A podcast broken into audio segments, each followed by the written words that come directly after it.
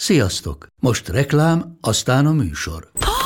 Hú, de szép szőnyeg. Új. Igen, tegnap vettem a Diégóban. Ó, és ez a függöny, de szép. Diégó! És hamarosan lesz új laminált padló a hálóban. Rátszakott a bank. Csak regisztráltam Diégó digitális klubkártyát vásárlás előtt. Csináljunk neked is egyet? Csak egy perc és kész. Regisztrálj te is áruházainkban, vagy a diego.hu oldalon, és azonnal megkapod digitális klubkártyádat, melyel akár 30% kedvezménnyel vásárolhatsz padlóburkolati és lakástextil termékeket. Diego.hu Már meg is kaptam e-mailben. Ez reklám volt, jó volt.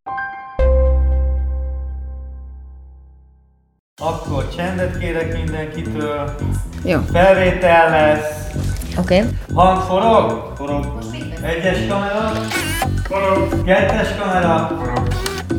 Liu szépség naplója. Egyes csapó. Mehet. Tessék.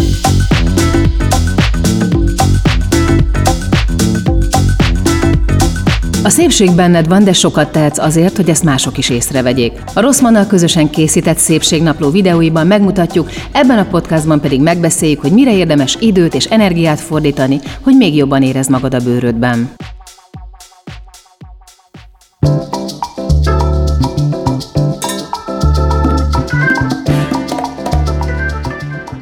Sajnos a bőrápolási termékek és cikkek is legtöbbször női közönségre vannak szabva, pedig a férfiak legalább annyira küzdenek a bőrproblémákkal, mint mi. Ez a rész ezért a férfiaknak szól. Dr. Bekedóra bőrgyógyász kozmetológussal pedig mindent átbeszélünk, amit érdemes erről a témáról megjegyeznetek. Nagyon sokszor felmerül az a kérdés, hogy van-e különbség a férfi és a női bőr között. Ha alapvetően megnézzük a nőknek, meg a férfiaknak a, a bőr összetételét, tehát ahogy a rétegződések jönnek, teljesen ugyanaz. Annyi a különbség, hogy a férfiak esetében erősebb a, a középső rétegünk, az írha réteg, ami tulajdonképpen a bőrnek a kötőszöveti hálóját adja, és a kollagénrostjaik, az elasztinrostjaik erősebbek, és tovább is fennmarad ezeknek a termelődése, ami egyébként egy ö, olyan szempontból szerencsés dolog, hogy a férfiak emiatt később kezdenek el öregedni, ö, jobb lesz a bőrüknek a turgora. De alapvetően egyébként a szerkezeti különbségeket nem látjuk a női és férfi bőr között.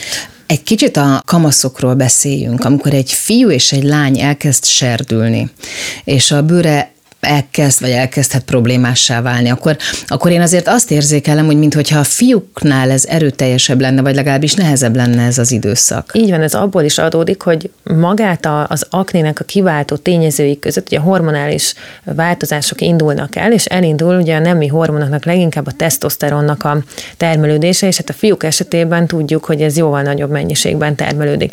És a tesztoszteronra érzékeny fagyumirigyek indulnak el, és emiatt a fiúk esetében esetében az aknés tünetek azok súlyosabbak lehetnek, mint a nőknél. Egyébként ez adja azt is, hogy a férfiak bőre kevésbé száraz a fagyumirigy gazdagság miatt. Tágabbak a, a pórusok Tágabbak is? a pórusaik is pontosan emiatt. Ugye itt azt szokták még mondani, hogy talán annyi a különbség, hogy a, a férfiak ugye borotválkoznak nap, mint nap.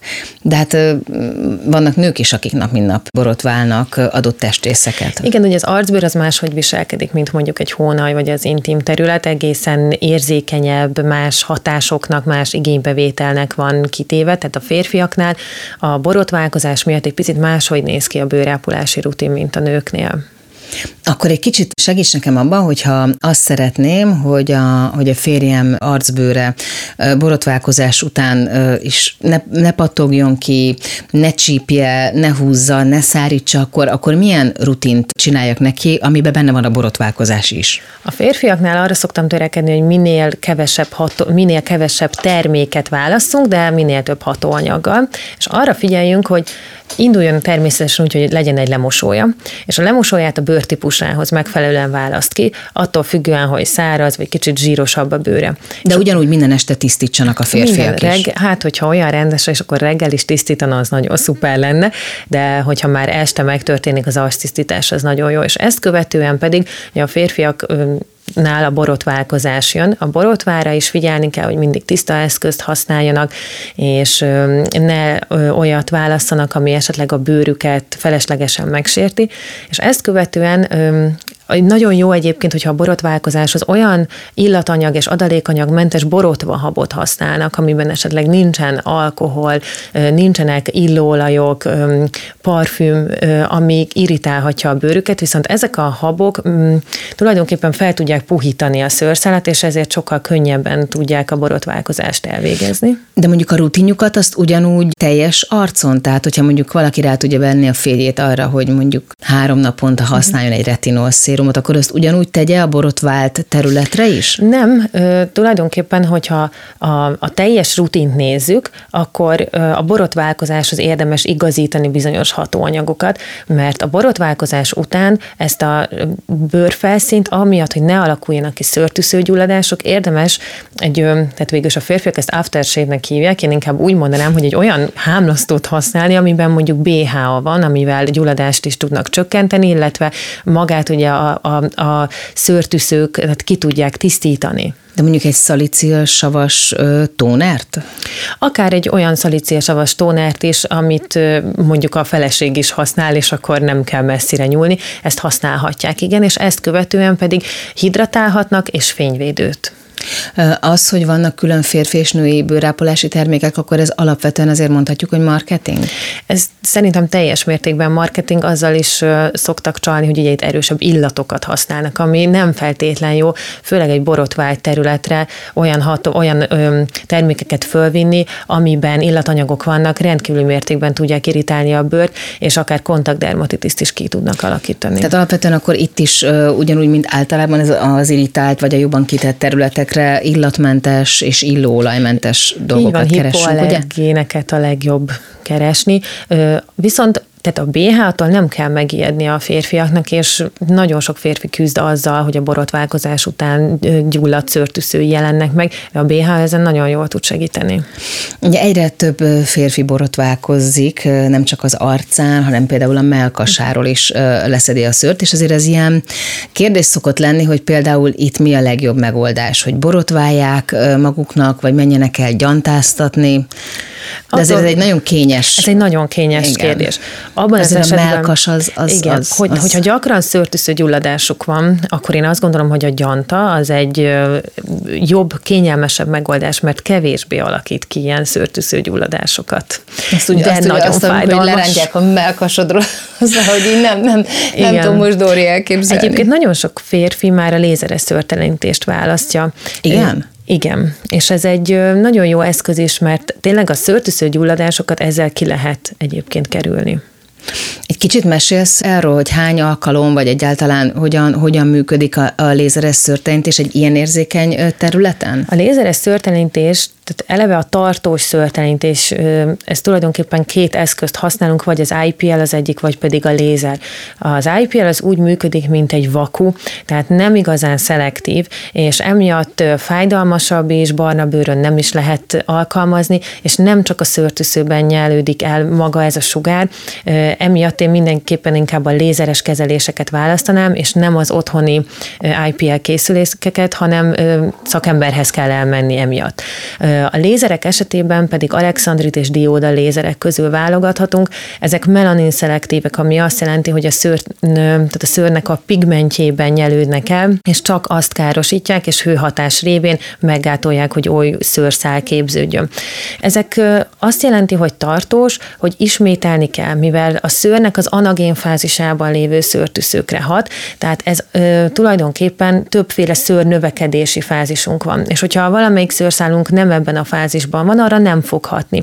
Ezért van az, hogy az első kezelés az nem hoz egy tartós végleges eredményt. Általában az első és a egytől hat kezelésig tartanak ezek a kezelések, és az elsők között olyan 6-8 hetet hagyunk ki, utána viszont egyre-egyre többet, három hónap, hat hónap, majd évente egyszer meg kell csinálni a fenntartó kezelést. Akkor Igazából a férfi és a női bőrápolási rutin talán annyiban különbözik, hogy nyilván arra kell törekedni, minél kevesebb lépésből álljon egy férfi rutin, mert sokkal nehezebb őket rávenni, és nyilván nem fog egy 8 lépéses vagy egy 10 lépéses koreai mm, rutinon végigmenni. Mi az a Mi ez a három termék, amit a férjünknek vegyünk meg?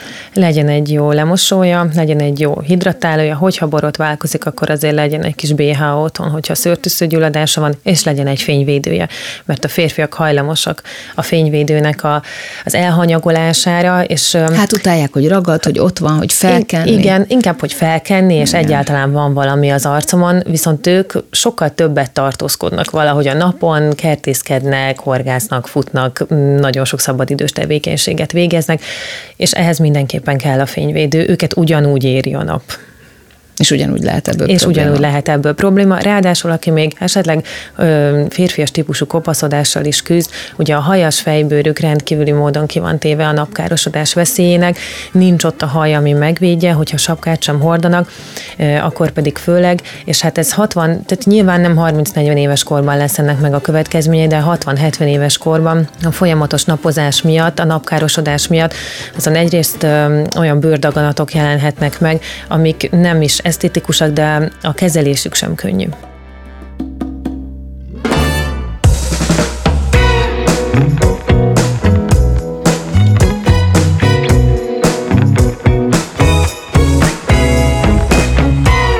A Szépségnaplót hallottátok, ami az Azonos című YouTube sorozat kiegészítő műsora. Azért indítottuk el ezt a podcastot, hogy segítsünk megtalálni a benned lévő szépséget, és tanácsokat adjunk, hogy ezt hogyan tudod a legjobban kiemelni. Ha érdekel a téma, mindenképpen iratkozz fel a csatornánkra, és hallgass meg a többi epizódot is. Ha nem csak hallgatnád, de néznéd is a műsort, keres rá a videóinkra a YouTube-on, Lilus Szépségnaplója címen, amit a Rosszman csatornáján találsz meg. A műsor szerkesztője Zsille Sára Franciska, felvételvezetője Csomor Attila, a zenei és utómunka szerkesztő Szűcs Dániel, a kreatív producer Román Balázs, a producer pedig Hampuk Rihárd.